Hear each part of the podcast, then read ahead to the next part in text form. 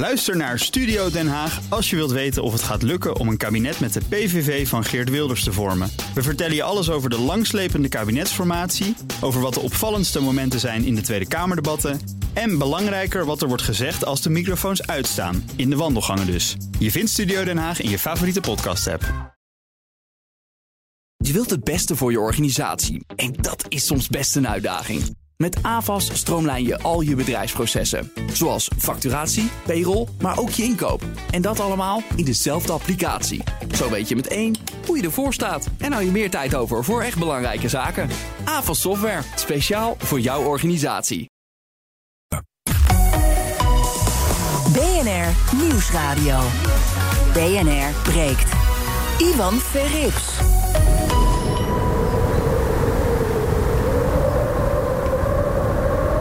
Allemaal. Welkom bij BNR Breekt. De perfecte onderbreking van jouw winderige werkdag. Althans, als je überhaupt op je werk bent aangekomen en niet vaststaat in de sneeuw. Daar gaan we allemaal over praten zo meteen in deze uitzending van BNR Breekt. Over de sneeuw, net als over het katshuisoverleg... wat gisteren niet doorging. En ook de Super Bowl van vannacht. Dat is allemaal zo meteen eh, na half twaalf waar we het over gaan hebben. Maar we beginnen natuurlijk zoals altijd met ons breekijzer. Ja, ik heb altijd een panel in de studio. Maar de studio is nu uh, uh, erg leeg. Um, mijn panelleden zijn namelijk ook allemaal gestrand. Maar op afstand zijn ze er toch bij. Tom de Nooijer, SGP-gemeenteraadslid in Oldenbroek. Goedemorgen. Een hele goede morgen, hallo. En Pieter Lossie, beleidsadviseur van de VO-raad... oud-voorzitter van het LAX. Goedemorgen, Pieter. Goedemorgen, hallo. Ik krijg aan de achtergrond geluiden te horen... dat jullie niet op uh, winderige stations staan... en uh, in, op, in auto's zitten op uh, dicht gesneeuwde snelwegen. Het valt mee, geloof ik. Nou, nou ik heb er wel gestaan. eerst even Tom. Tom? Oh, sorry. Ja, nee, uh, ik wil niet onderbreken, Pieter. Maar voor mij valt het uh, wat, wat, dat betreft niet echt mee. Ik sta echt uh, weg te kleumen op Amersfoort Centraal. Dus als je nog een paar keer ding-dong hoort, dan weet je waar het vandaan komt. Dan is het de zoveelste melding dat die en die terrein weer niet rijdt. dus alle mensen die vandaag via of Zwolle of Utrecht Centraal of Amersfoort gaan. Ook al staat er in de reis want ik had vanmorgen ook heel goed gekeken... Ja. dat de treinen wel gaan. Neem de gok nou maar niet. Nee. Je staat ja. echt hopeloos vast. Is er wel hulp onderweg, Tom? Nee, nou, ik hoop dat ik, ik. Ik ben dus gestrand op Amersfoort. Ik was dus van plan om naar jullie te komen op Amsterdam-Amstel. Maar dat is niet gelukt. Maar ik moet nu eerst maar hopen dat ik überhaupt thuis kom. Ik weet niet eens of dat gaat lukken. Ja. Maar goed, te wachten nog even. Nou, we hebben natuurlijk uh, veel luisteraars die misschien ook wel wat uh, kracht kunnen bieden. Dus waar zou je eventueel heen willen? Stel dat luisteraars zeggen van... Goh, ik kan Tom wel helpen. Oh, dit is heel erg leuk. Maar dan, uh, dan uh, ik sta op dit moment op Amersfoort ja? Centraal. En een beetje in de buurt naar Zwolle of zo. Of Harderwijk zal al heel erg helpen. Oké, okay, nou, mocht u dit horen en denken, ik kan uh, Tom wel helpen. je mag dus bellen, want we bellen toch in dit, in dit ja. programma 020 468 4 keer 0 Bel eventjes. Um, mailen mag ook, doe dat maar naar redactie.bnr.nl. Dan ga ik dat zo even lezen. Pieter, wat is jouw situatie? Ja, ik, ik ben een uur bezig geweest vanochtend met het OV. Dat werkt uiteindelijk niet. Dus toen dacht ik, nou, dan ga ik maar uh, dapper de fiets pakken. Ja. Uh, maar uiteindelijk uh, bleek mijn beginsbestemming ook onvermijdelijk mijn eindbestemming te worden. Dus na een uur fietsen zit ik hier onder een deken nog een beetje koud nee. ja, in te bellen. Oké, okay, nou dan maak ik me iets meer zorgen om Tom. Maar ik hoop dat de hele community kan helpen om jou op een warme locatie te krijgen. Fijn dat je in ieder geval wil meepraten. En best als we af en toe die trein horen, geeft helemaal niks. Um, we gaan dus praten over ons breekijzer. Voor talkshowgasten geldt, deskundigheid gaat boven diversiteit. Dat is vandaag ons breekijzer. Uh, heeft te maken met een uh, verhaal van de Nieuwsmonitor. Een onderzoek dat ze gedaan hebben. Ze maken een analyse van het eerste jaar op één. Ze kregen naar 500 terugkerende gasten. En daaruit bleek dat uh, vooral journalisten heel vaak mogen aanschuiven. Um, ondanks allerlei voornemens van omroepen om diverser te worden... zaten er nog steeds ook heel veel witte mannen aan tafel. De top 10 werd aangevoerd door Joost Vullings, Ab Osterhaus en Xander van der Wulp. Um, wat vind jij? Wil je daarop reageren in ons breekijzer, die talkshows? Moet dat diverser? Ben je dezelfde namen wel een beetje zat? Vind je vooral kennis van zaken belangrijk? En is het eigenlijk helemaal niet zo erg dat er een klein clubje mensen is dat heel veel weet en dat je dan dus ook heel vaak terugziet? Reageren dus. Voor talkshow gasten geldt: deskundigheid gaat boven diversiteit. 020 468 4 keer 0 020 468 4 keer 0 Ik bespreek dat niet alleen met uh, de drie witte mannen die wij zijn, uh, namelijk Tom, Pieter en ik, want dat is nou eenmaal wel zo. Um, maar ook met uh, Nel Ruigrok. Zij is communicatiewetenschapper, eigenaar van het onderzoeksbureau La Jupe Sauvage. En zij deed dat onderzoek. Goedemorgen, Nel. Goedemorgen. Ah, gelukkig, een vrouw. Jij hebt een analyse gemaakt van uh, die gasten die daar aan tafel zaten. Uh, kan je even vertellen, hoe zag jouw onderzoek eruit? Want je hebt dus naar op één gekeken, hè? Ja, in dit geval hebben we alleen naar op één gekeken. En we hebben eigenlijk gewoon gekeken naar uh, alle gasten die aan tafel zaten. En daar ook een onderscheid gemaakt in de verschillende periodes. Mhm. Dus voor corona en tijdens de eerste golf, tijdens de zomer en de tweede golf. Om vooral even te kijken van in hoeverre er nou een verschuiving plaatsvond. Uh, en met name ook in uh, diversiteit, maar ook omdat... Uh, nou, mij viel het op dat Ab Oosterhuis heel veel aan tafel zat. Ja. En inderdaad de twee journalisten die je net noemde. Ja. En om die reden zijn we dat, zijn we dat gaan uitzoeken. -huh. En dan moet ik er meteen bij zeggen dat we dat ook hebben gedaan. Dit is eigenlijk een spin-off van een groter onderzoek... wat we doen voor uh, NRC Handelsblad. Uh, maar dat ga ik doen met mijn studenten van de Erasmus uh, Universiteit... de opleiding master, of de master voor media en journalistiek. En dat komt begin maart. En dan ja. kijken we hoe heeft een jaar coronadebat op tv er nou eigenlijk uitgezien. Ja. Dus dan nemen we ook alle andere programma's mee. Want iedereen roept natuurlijk, het is overal hetzelfde. Nou, dat gaan we dan uitzoeken. Nu hebben we alleen naar op één gekeken... En daar bleek uh, nou ja, dat zeker in de eerste uh, golf bijvoorbeeld... Ab Oosterhuis wel heel veel uh, aan tafel zat. Um, en uh, daarna, en eigenlijk tijdens de eerste golf... heel weinig mensen vanuit de medische kant... de experts zeg maar vanuit de medische kant... Terwijl daarna het vooral de journalisten zijn die het overnemen. Maar is Ab Oosterhuis niet iemand van de medische kant die daar wat over weet? Is een viroloog. Nou, wat ik meer bedoel met de medische kant zijn de mensen die dus echt daadwerkelijk uh, in de ziekenhuizen werken en um, direct met de pandemie te maken hadden. Mm -hmm. Kijk, en nogmaals, uh, of nogmaals, wat ik vooral wil zeggen is... Ab Oosterhuis is, is absoluut een expert. Hè, en hij weet verdomd veel uh, van, um, van het virus uh, en, en is een goede viroloog. Het is niks ten nadele van zijn expertise. En ik vind het ook prima dat hij daar zit. En ik snap het ook. En daar heeft hij alle reden toe. De vraag is alleen wat mij dan interesseert, omdat ik meer kijk vanuit media... in hoeverre is het nuttig dat de man er uh, eigenlijk dagelijks ja. zit... en in hoeverre laat je dan zo'n pandemie duiden door uh, één iemand? En iemand, ja. En ik ga het zelf vragen. de journalistiek. Ja. Ik ga het zo vragen. moet je je afvragen hoe, hoe, interessant dat is. Want kijk, wat je, wat je bijvoorbeeld nu ziet... is dan gaat het niet meer over wat Ab Oosterhuis zegt... maar of hij nog wel een glas rode wijn krijgt of niet. Mm -hmm. Kijk, op zo'n moment moet je je als redactie denk ik afvragen... of het niet zinvoller is om iemand anders aan tafel te vragen. Ja. Ik ga het zo vragen ook aan mijn panel, aan Pieter en Tom... wat zij daarvan vinden. Maar eerst hebben we even Ab Oosterhuis eh, zelf gevraagd... van ja, is het nou erg dat hij heel vaak aanschuift? En toen zei hij dit... Even kijken, ik ga het even nu laten horen. Dit zei hij.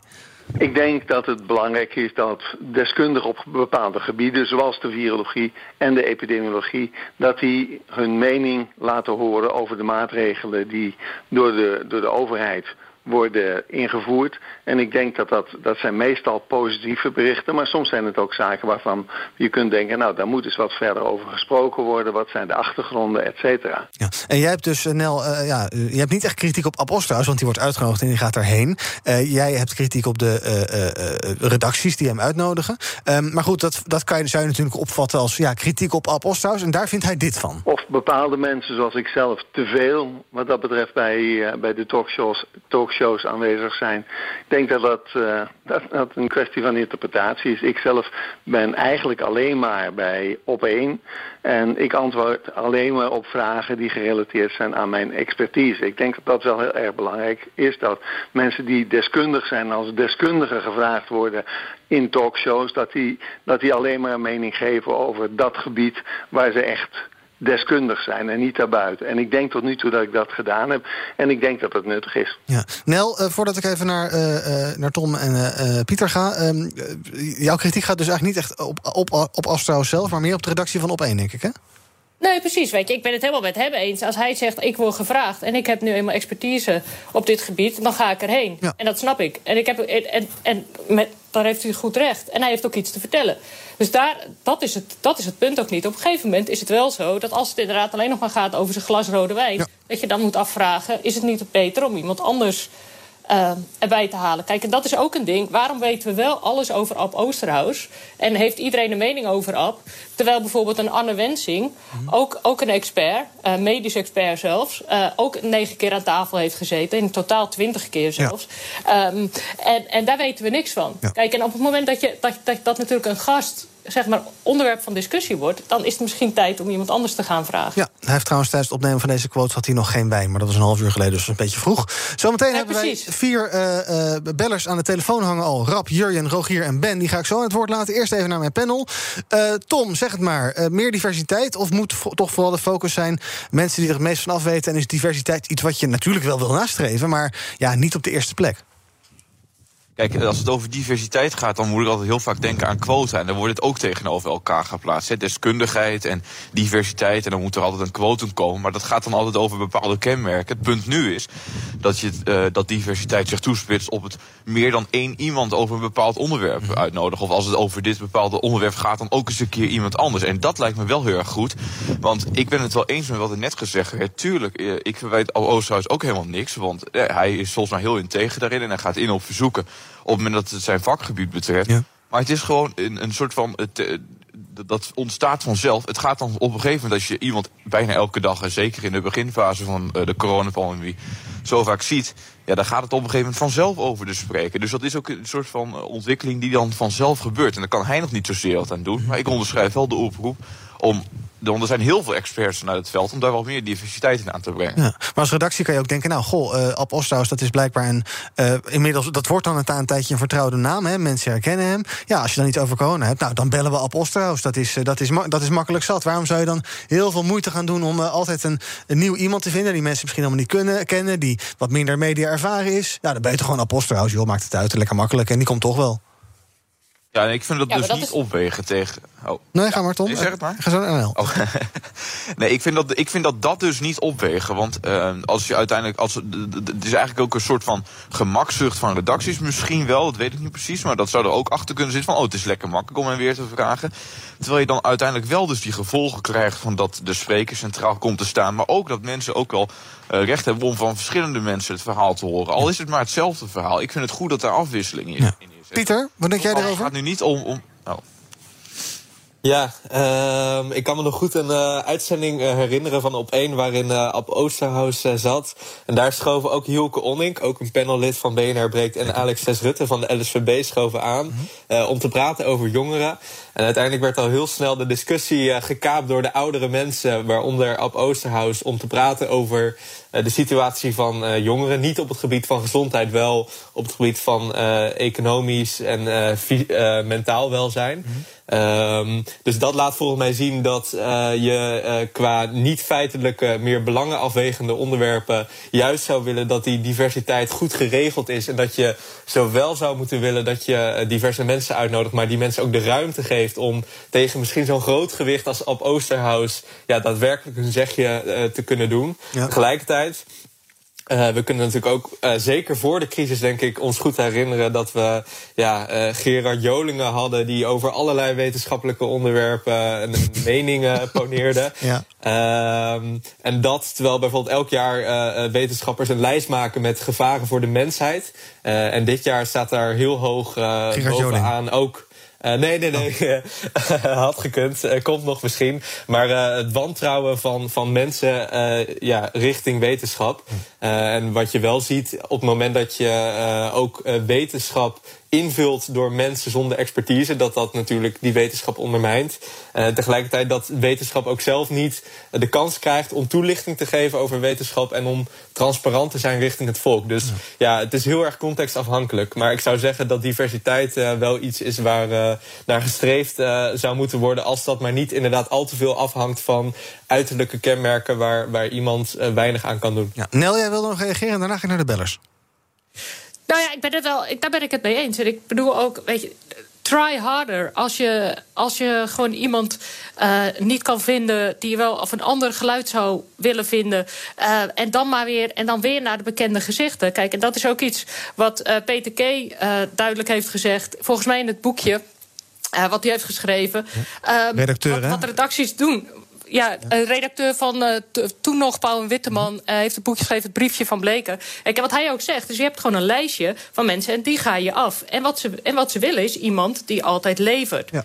Want Uh, en want dat moeten we niet vergeten. Want waarom zitten die mensen aan tafel? Omdat ze dus leveren, maar ook omdat we weten dat de kijkers, wij met z'n allen, daar ook naar kijken. Want anders zeppen we weg. En we willen ook vaak, dat is dus ook het dilemma van de redacties.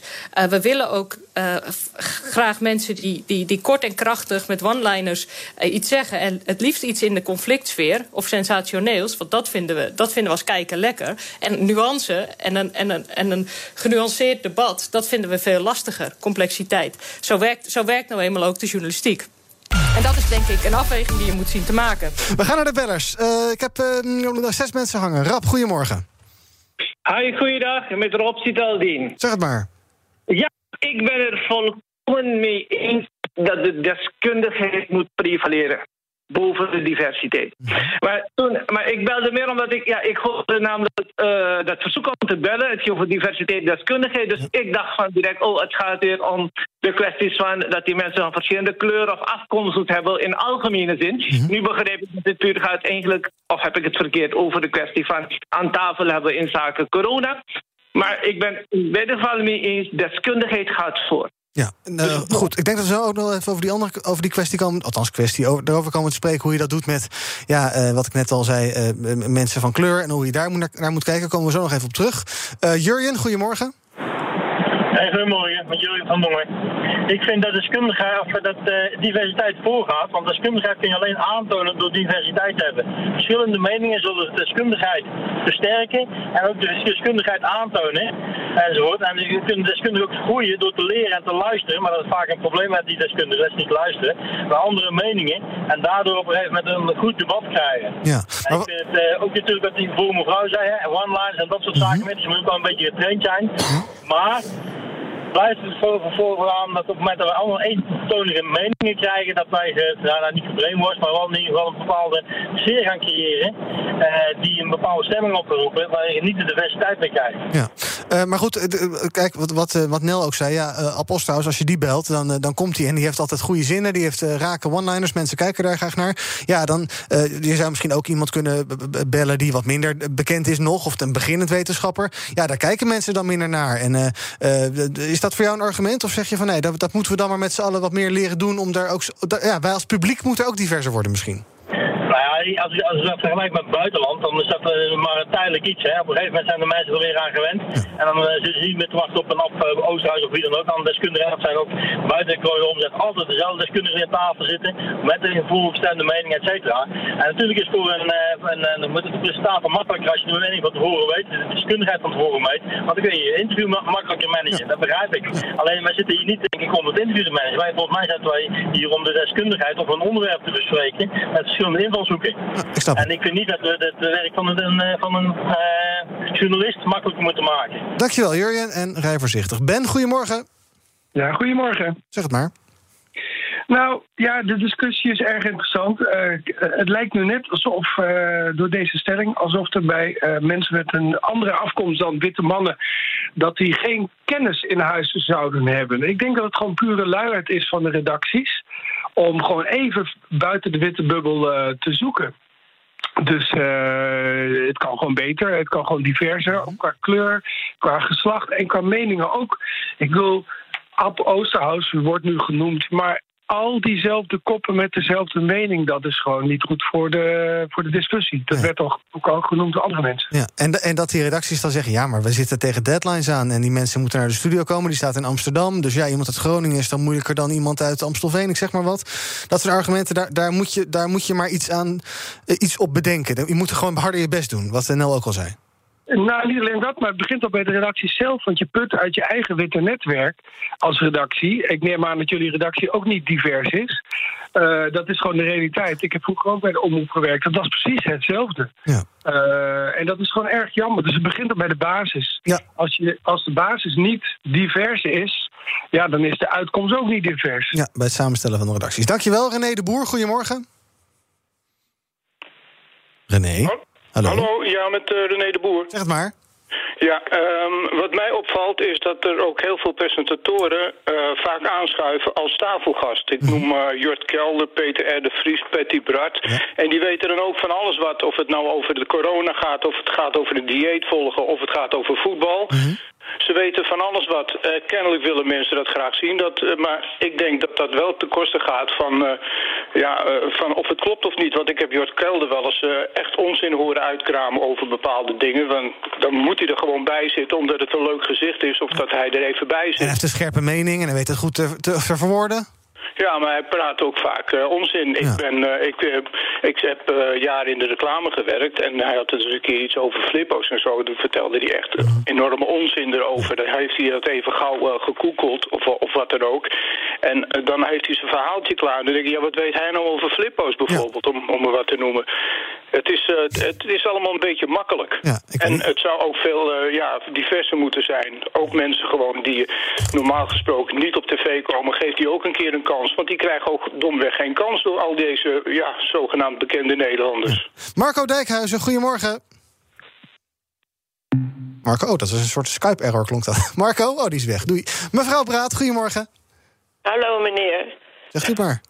meneer, waarom, waarom moeten jullie allemaal zo snel achter elkaar praten?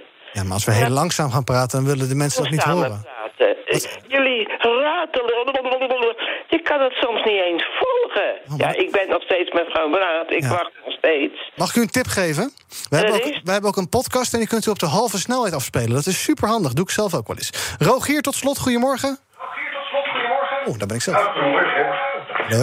Goedemorgen. Ik uh, wou even zeggen dat, uh, um, hoe heet dat, uh, je hebt tafelgasten en je hebt stamgasten. Ja. Oosterhuis gezien zijn pimpelgedrag is meer een stamgast. Maar ik vraag mij af of die mevrouw, die wetenschap die, die, die dat onderzoek gedaan heeft... Dat ook, ja of hij de kennis heeft van de kijkcijfers. Want ik kan me niet voorstellen dat mensen naar de diepgang van een waterdruppel de hele, een hele uur gaan zitten kijken. Maar wat ik storender vond, is dat notabene een van die journalisten van de, van de, ja, dat is meer een lakai van het kabinet, die uh, Sander van der Wulp, uh, journalisten zijn collega's opgeroepen om minder kritisch te zijn ten aanzien van de jongen die staat te blunderen en een departement bestiert wat hij helemaal niet beheerst.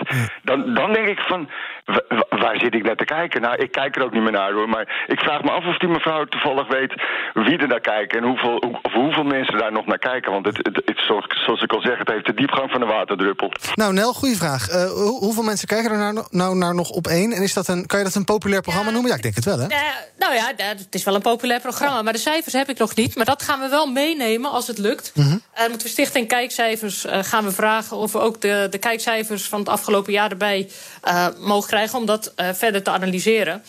Maar als ik even in mag haken op wat er eerder wordt gezegd, Zeker. daar denk ik, wat de algemene noemer van de kritiek, die ik ook hoor bij de, bij de gasten uh, die zojuist aan het woord waren, mm -hmm. is dat je inderdaad ziet dat, dat gewoon uh, deskundigheid niet, niet altijd wordt gebruikt. Zeker wanneer het gaat om bijvoorbeeld politieke onderwerpen. Ja. En dat is ook eigenlijk mijn grootste kritiek op, op één. Het gaat helemaal niet over Ab Oosterhuis, maar over het feit dat uh, journalisten overal bij worden gehaald om zaken te duiden. Uh, niet alleen de coronacrisis, maar ook alles waar het gaat over politiek. De Amerikaanse politiek wordt vooral geduid door journalisten. Ja. En inderdaad, en Charles Groenhuizen die gaat dan ook als gast uh, aan tafel zitten om daar iets over te zeggen. En met name over politiek, en dat zou ik dan ook als tip willen meegeven aan Op1 en alle andere redacties. Met de verkiezingen op komst, laat de politiek niet duiden door politiek journalisten die er zo dicht op zitten dat ze bijna, of dat ze inderdaad gaan pleiten om de jongen niet meer zo aan te vallen. Maar ga eens kijken naar hoogleraren politicologie of hoogleraren politieke communicatie. En niet iemand die toevallig politicologie heeft gestudeerd, maar gewoon mensen wiens vak het is om te kijken wat de politiek en wat communicatie rond politiek doet. Bijvoorbeeld uh, als reactie op ons stemgedrag. Ja. En daar zijn ook heel veel vrouwen. Als jullie toch nog diversiteit zoeken, mm -hmm. daar zijn ook heel veel vrouwen. Ja, en nou hebben we nog heel weinig tijd, dus ik ga dit onderwerp wat ik nu ga aansnijden sowieso tekort doen. Maar iemand zei nog uh, mensen van kleur. Dat is ook uh, uh, iets wat je, nou, waar je natuurlijk ook naar moet streven in je, in je, in je, in je, in je diversiteit, in je uitzending. is dat toch iets waar jullie specifiek naar gekeken en heb je nog aanbevelingen op dat gebied?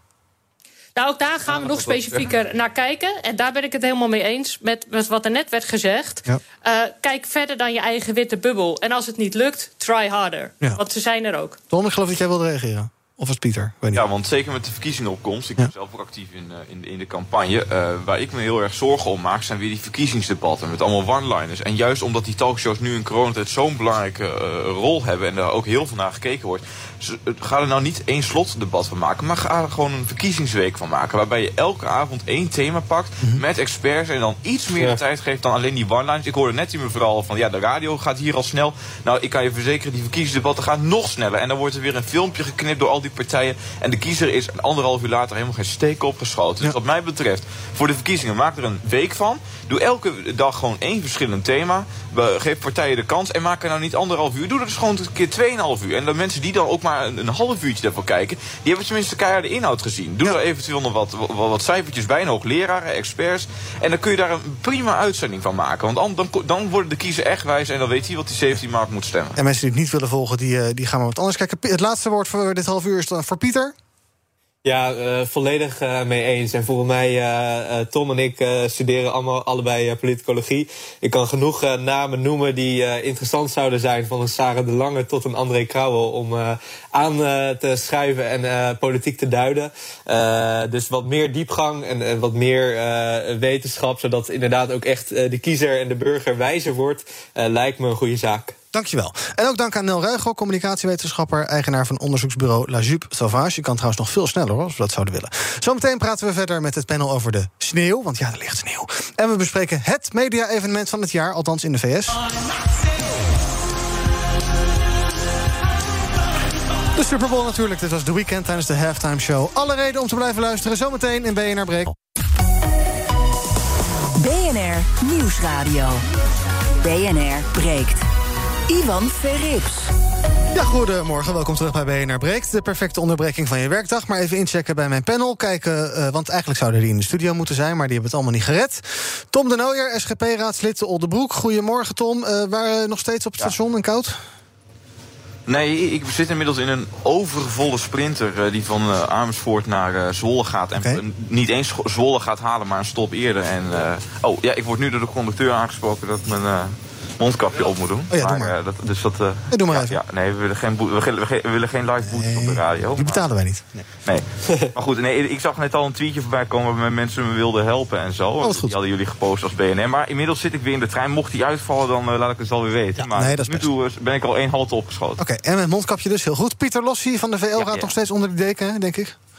exact. Ja, heel goed. Oké. Okay. we beginnen, hoe kan het ook anders, bij de sneeuw. Dat is toch wel behoorlijk historisch wat we vandaag meemaken. Een ouderwetse kou-inval in Nederland. Ja, de treinen rijden dus uh, amper, mondjesmaat. KNMI heeft uh, code oranje verlengd tot 6 uur in Noord-Holland, Friesland en Groningen. Dus let erop, zeker als je de weg op moet. sneeuwjacht, ijsplaten, gladheid, dat soort zaken. heel erg mee oppassen. Um, nou, jullie hebben het aan de lijve ondervonden allebei. De overheid kwam vlak voor dit weekend met speciale sneeuwregels. Zoals sneeuwballen gooien, dat mag wel met je eigen huishouden. Of met één iemand buiten je huishouden. Uh, Tom, de reacties die ik erop zag, dat was... goh, dit gaat toch wel heel erg ver... en het is misschien ook wel een beetje heel erg overdreven. Ja, dat uh, ben ik eigenlijk uh, er wel mee eens. Sowieso de, de adviezen die de, de overheid geeft. We hebben natuurlijk allemaal ook al dingen voorbij zien komen. Ook al wat Diederik Gommers zei over wanneer mensen zich wel en niet zouden moeten gaan voorplanten. Wat daar nou het meest optimaal voor was. En zeker met, als het nu tot, tot zelfs doorgaat tot aan het sneeuwballen gooien. Kijk, ik vind ook gewoon dat, dat je daar ook als overheid best wel enigszins uh, terughoudend in mag zijn. Zeker als het zo ver gaat. Uh, dat lijkt me niet helemaal de bedoeling. Nou, Pieter, uh, heb jij nog in de sneeuw gerold dit weekend? Ja, nou en of. Ja, zeker. En ik, ik moet eerlijk... Heb je aan de, aan, de, aan de regels gehouden? Dat is belangrijk, hè? Ja, zeker. Uh, dat ook. Uh, maar ik moet wel zeggen dat ik het uh, ja, een aardige faal vond van de overheid in deze. Ook omdat in het begin heel erg de tactiek was van het kabinet. We, we vertrouwen op de verantwoordelijkheid van mensen in het land. en daardoor kozen we eigenlijk ook een iets minder streng regime. Maar ik denk echt sinds die tweede coronagolf is dat echt totaal doorgeslagen naar heel veel wantrouwen jegens ja, het, de verantwoordelijkheid van mensen. Dus ik vond het eigenlijk ook wel weer heel mooi om te zien dat via Twitter bijvoorbeeld dat er video's voorbij kwamen waarin uh, mensen bijvoorbeeld in Amsterdam uh, spontaan op straat begonnen te dansen. Wel met afstand, maar wel met meerdere mensen bij elkaar. Ja, dat was een soort après-ski feestje in de Van Bouwstraat. Dat klonk zo. Dat kan harder! La.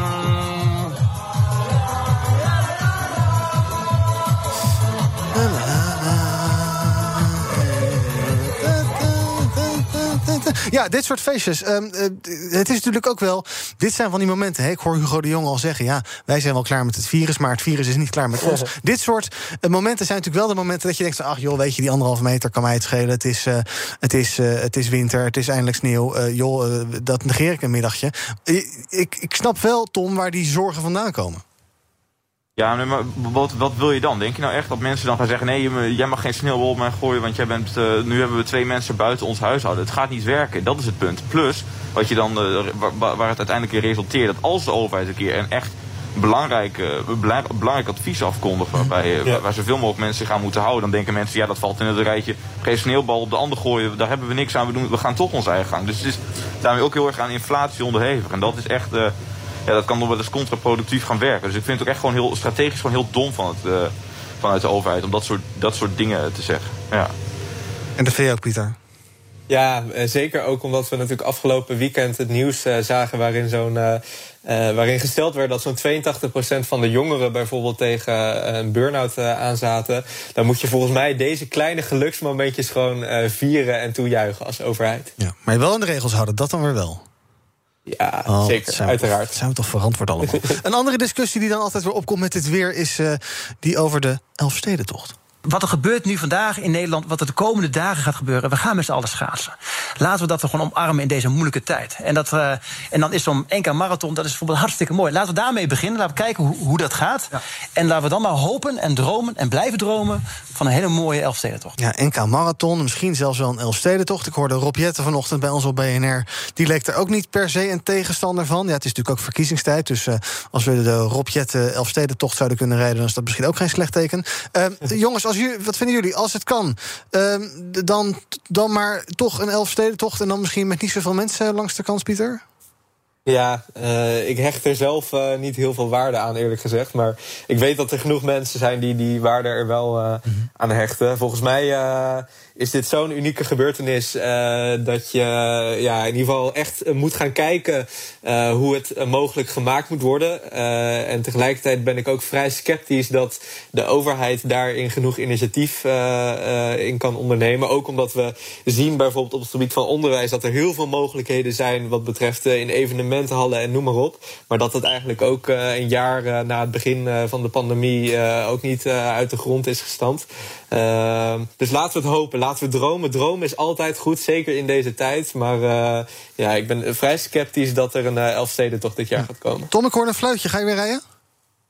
Ja, nee, we zijn weer bij een volgende halte. Maar Oh, eh, we komen langzaam maar gestaag komen we steeds verder. Ja. Hey, een Elfstedentocht, ik weet niet of jij een schaatser bent. Ik eh, kan er, bak er echt helemaal niks van. Eh, zelfs achter een stoeltje ziet het er echt niet uit wat ik doe.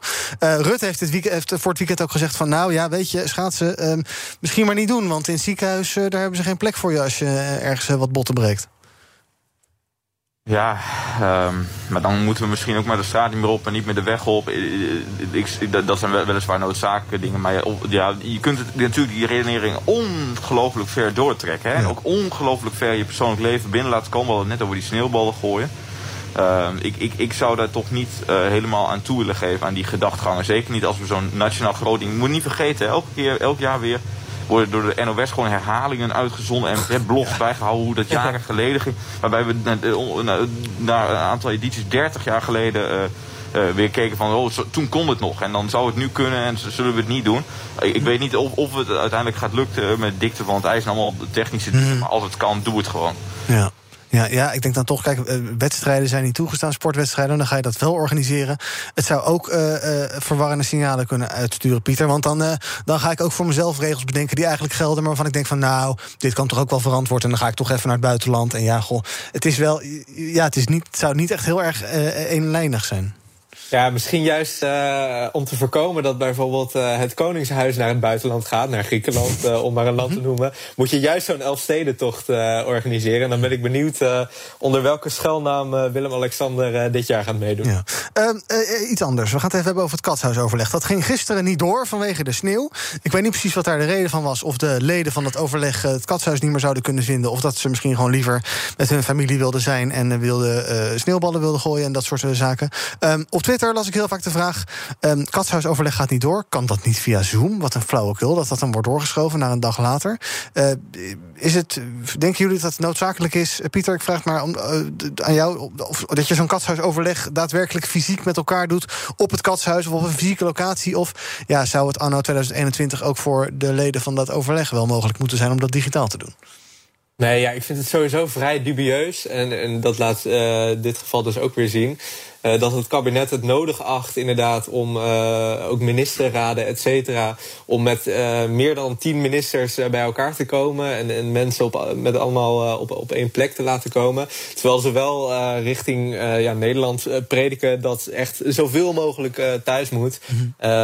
kijk, ik bedoel, voor de coronacijfers zal het waarschijnlijk niet uitmaken of het kabinet wel of niet uh, ja, bijeenkomt uh, fysiek. Maar het gaat natuurlijk ook om een, om een voorbeeldfunctie. Om te laten zien, ja, wij, wij staan niet boven jullie.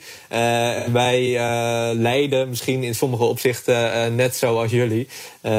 dus hij niet echt een verstandige move van het kabinet. Tom? Nou, ik, ik, ik, ik ben het daar niet mee eens. want er zijn gewoon een aantal dingen die door moeten gaan, ook in deze tijd. En ook waar ook grondwettelijke uitzonderingen voor zijn. Ik ben zelf ook gemeenteraadslid inderdaad.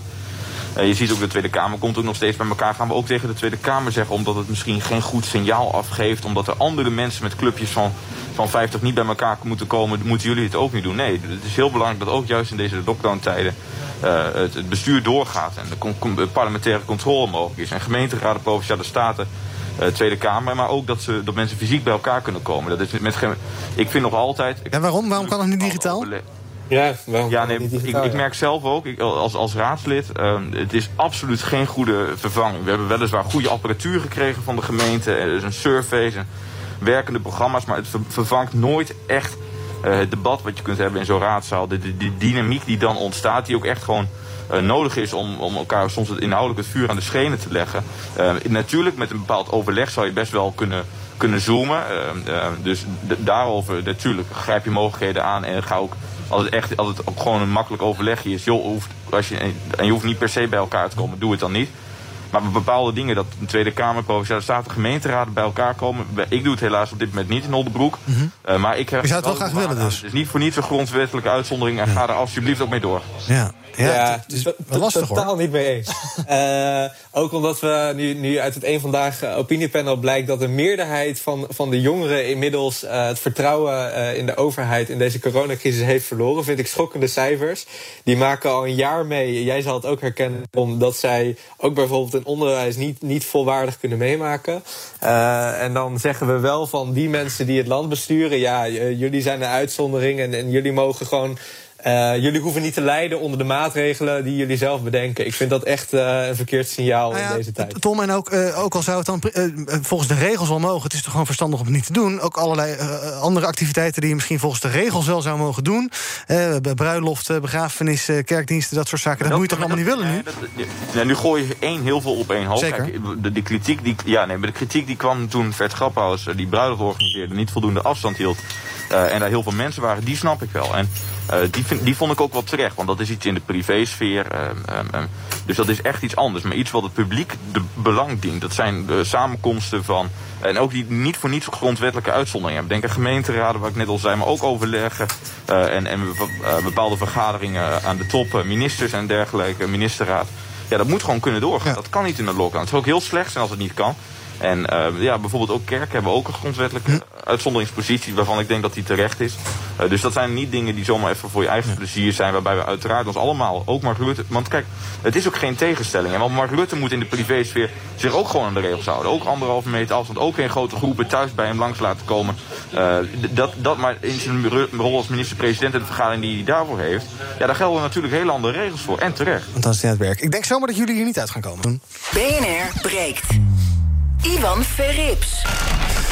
Ander nieuws dan. De coronamaatregelen die belemmeren jongeren in hun relaties en seksuele ontwikkeling. Dat meldt kenniscentrum Rutgers en SOA AIDS Nederland... na een onderzoek onder ruim 4000 jongeren tussen de 16 en 20 jaar oud. Ik praat erover met mijn panel van BNR Breekt. Pieter Lossi, beleidsadviseur van de VO-raad... en Tom de Nooijer, SGP, gemeenteraadslid en woonachtig in de trein op dit moment. Tijdens de tweede lockdown hadden jongeren bijvoorbeeld veel minder dates... dan voor de coronacrisis. 21% van de ondervraagde jongeren ging op date. En voor corona was dat 51% van de jongeren. ik ben benieuwd of jullie dit een zorgelijk probleem vinden. Ik heb Pieter al vaker zijn zorgen horen uit over jongeren en corona. Tom, dat jongeren veel minder daten, is dat heel erg? Oh, Tom is nu met de trein in, in, nowhere beland. Ja. ja, dan ga ik aan jou vragen, Pieter.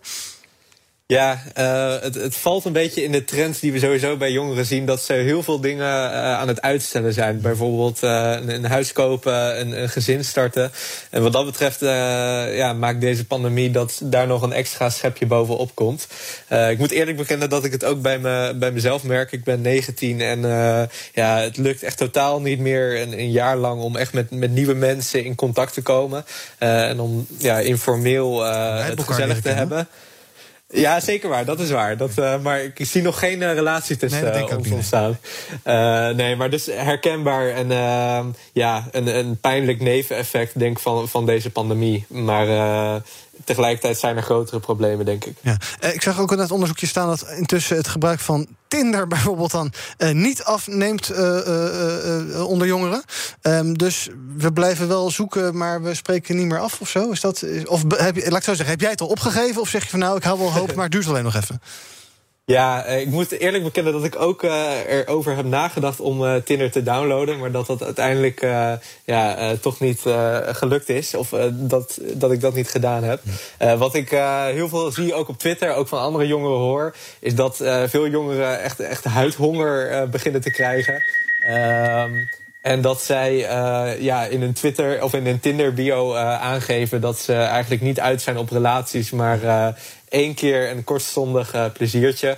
Uh, dus wat dat betreft uh, vindt er ook iets van verschaling plaats in, die, in die seksuele relatie. En dat is iets wat ik in ieder geval niet zoek. Nee. we hadden, Tom is weer terug. Ik hoorde gepiep van de trein, dus Tom is weer via de telefoon bij ons. We hadden het over onderzoeken um, wat betreft jongeren en hun relaties en seksuele ontwikkeling. We blijken allemaal veel minder te daten. is dat een probleem, denk jij, Tom? Of zeg je van ja, goh, het is nou eenmaal coronatijd en dan doe je dat maar een jaartje later? Um, nou ja, ik, uh, ik heb zelf helemaal niks met apps als uh, Tinder en dat soort dingen. En uh, ik snap natuurlijk dat mensen ook gewoon wel het contact met elkaar missen. Gewoon in de volle breedte heb je het dan eigenlijk al. Bij dit is daar gewoon één aspect van. Maar dat je elkaar gewoon niet op kunt zoeken. Dat, dat je elkaar niet kunt ontmoeten op, op, op plekken. kijk, zelfs, zelfs de studie valt er nu af. Hè. Dus ik, ik snap ook wel dat, dat dit soort zaken, dat, dat mensen denken van ja, maar ik heb nu helemaal geen, bijvoorbeeld dat je single bent, ik heb helemaal geen mogelijkheid om überhaupt andere mensen te ontmoeten om te kijken of er misschien uh, wat in zit en of we klikken met elkaar. Ja, ik snap wel dat het eronder leidt. En dat, dat het heel vervelend is. Ja. Um, en ja, dat, dat, uh, dat hebben we wel allemaal. Dat is op zich wel. Het is wel een, een soort eerlijke, uh, eerlijk iets. Iedereen leidt eronder. En dat is dan dus zorgelijk. Maar zeg je ook van ja, dit, dit, dit moet snel worden opgelost. Of moeten we hier gewoon nog een tijdje mee leven? En ja, het duurt nog een paar maanden. Ja, wat wil je eraan doen dan? Ik, uh, we, leven, we leven er allemaal in, dat is het inderdaad. Het is niet dat, dat dit nou een heel, uh, heel apart gezet, uh, bijzonder aspect is. In de zin van, nou ja, dit is iets wat nou ontzettend... Nee, maar we leven er allemaal in. Niemand kan bij elkaar komen. Nee. Jullie valt af, alles wat als sportscholen zijn dicht. Alles is dicht.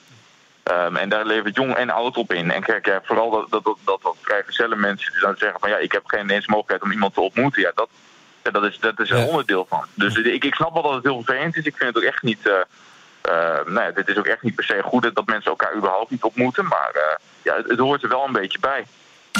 Ja.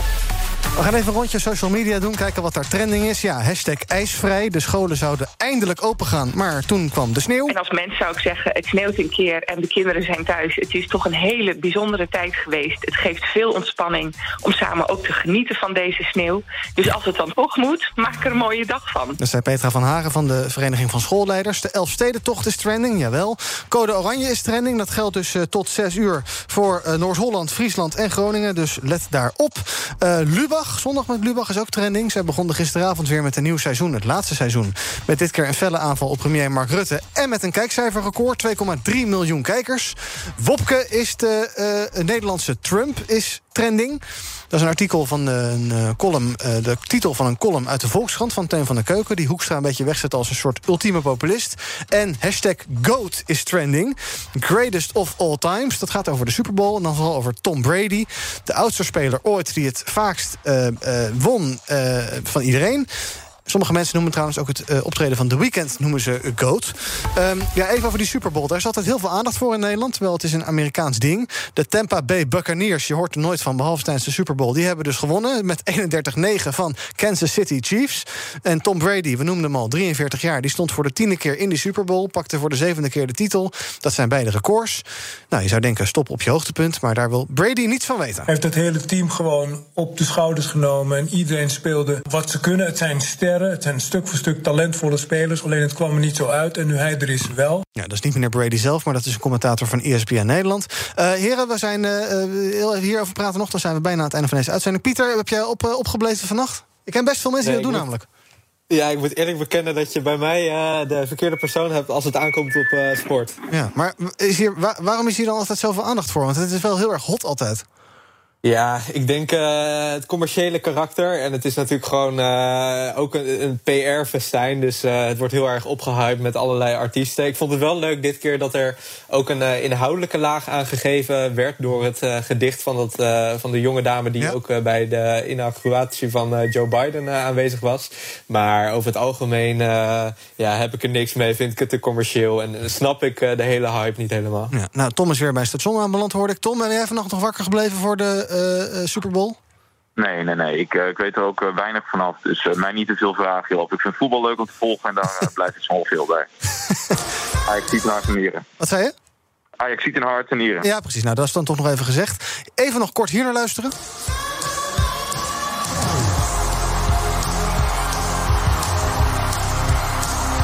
Die ga ik toch wel even terugkijken. Dit was The Weekend tijdens de halftime show. fan van The Weekend hier toevallig, Pieter of Tom of niet? Nou, ik moet wel zeggen dat ik uh, gelijk weer zin krijg in het weekend. Maar dat duurt nog even. Ja, dat duurt nog even. Tom? Ja, Blinding Lights is een uh, mooi nummer, maar verder uh, nee. Nee, nou, ik denk dat jullie ook volgend jaar niet gaan kijken. Dank in ieder geval uh, voor ja, het aanwezig zijn virtueel bij dit programma bij BNR Breek. Tom, waar ben je nu? Hoe, hoe staat hij ja, ervoor? Inmiddels bij Harderwijk, ergens tussen Nunspeet. Dus we, ko we, komen er wel en we zijn er al bijna. Dus bedankt voor je oproepje, maar het is niet nodig. Met veel vertraging is het toch zelf gelukt. Nou, fijn dat je tijdens dit programma ook je reis naar huis hebt kunnen maken. Dank. Ja. dank ook aan Pieter Lossi, beleidsadviseur bij de VO-raad. Morgen ben ik er weer met BNR Breekt. Tot die tijd kan je ons volgen via de socials. Daar volg je ook alles over het, uh, nou, toch wel voor Nederlandse begrippen, barre weer van nu. Via BNR op Twitter, via BNR Nieuwsradio op Instagram en via bnr.nl. Zometeen zaken doen met Thomas van Zel. Tot morgen. Ook Thomas van Zeil vind je in de BNR-app. Je kunt live naar mij luisteren in Zaken doen. De BNR-app met breaking news, het laatste zakelijke nieuws... en je vindt er alle BNR-podcasts, bijvoorbeeld Het Nieuwe Geld. Download nu de gratis BNR-app en blijf scherp.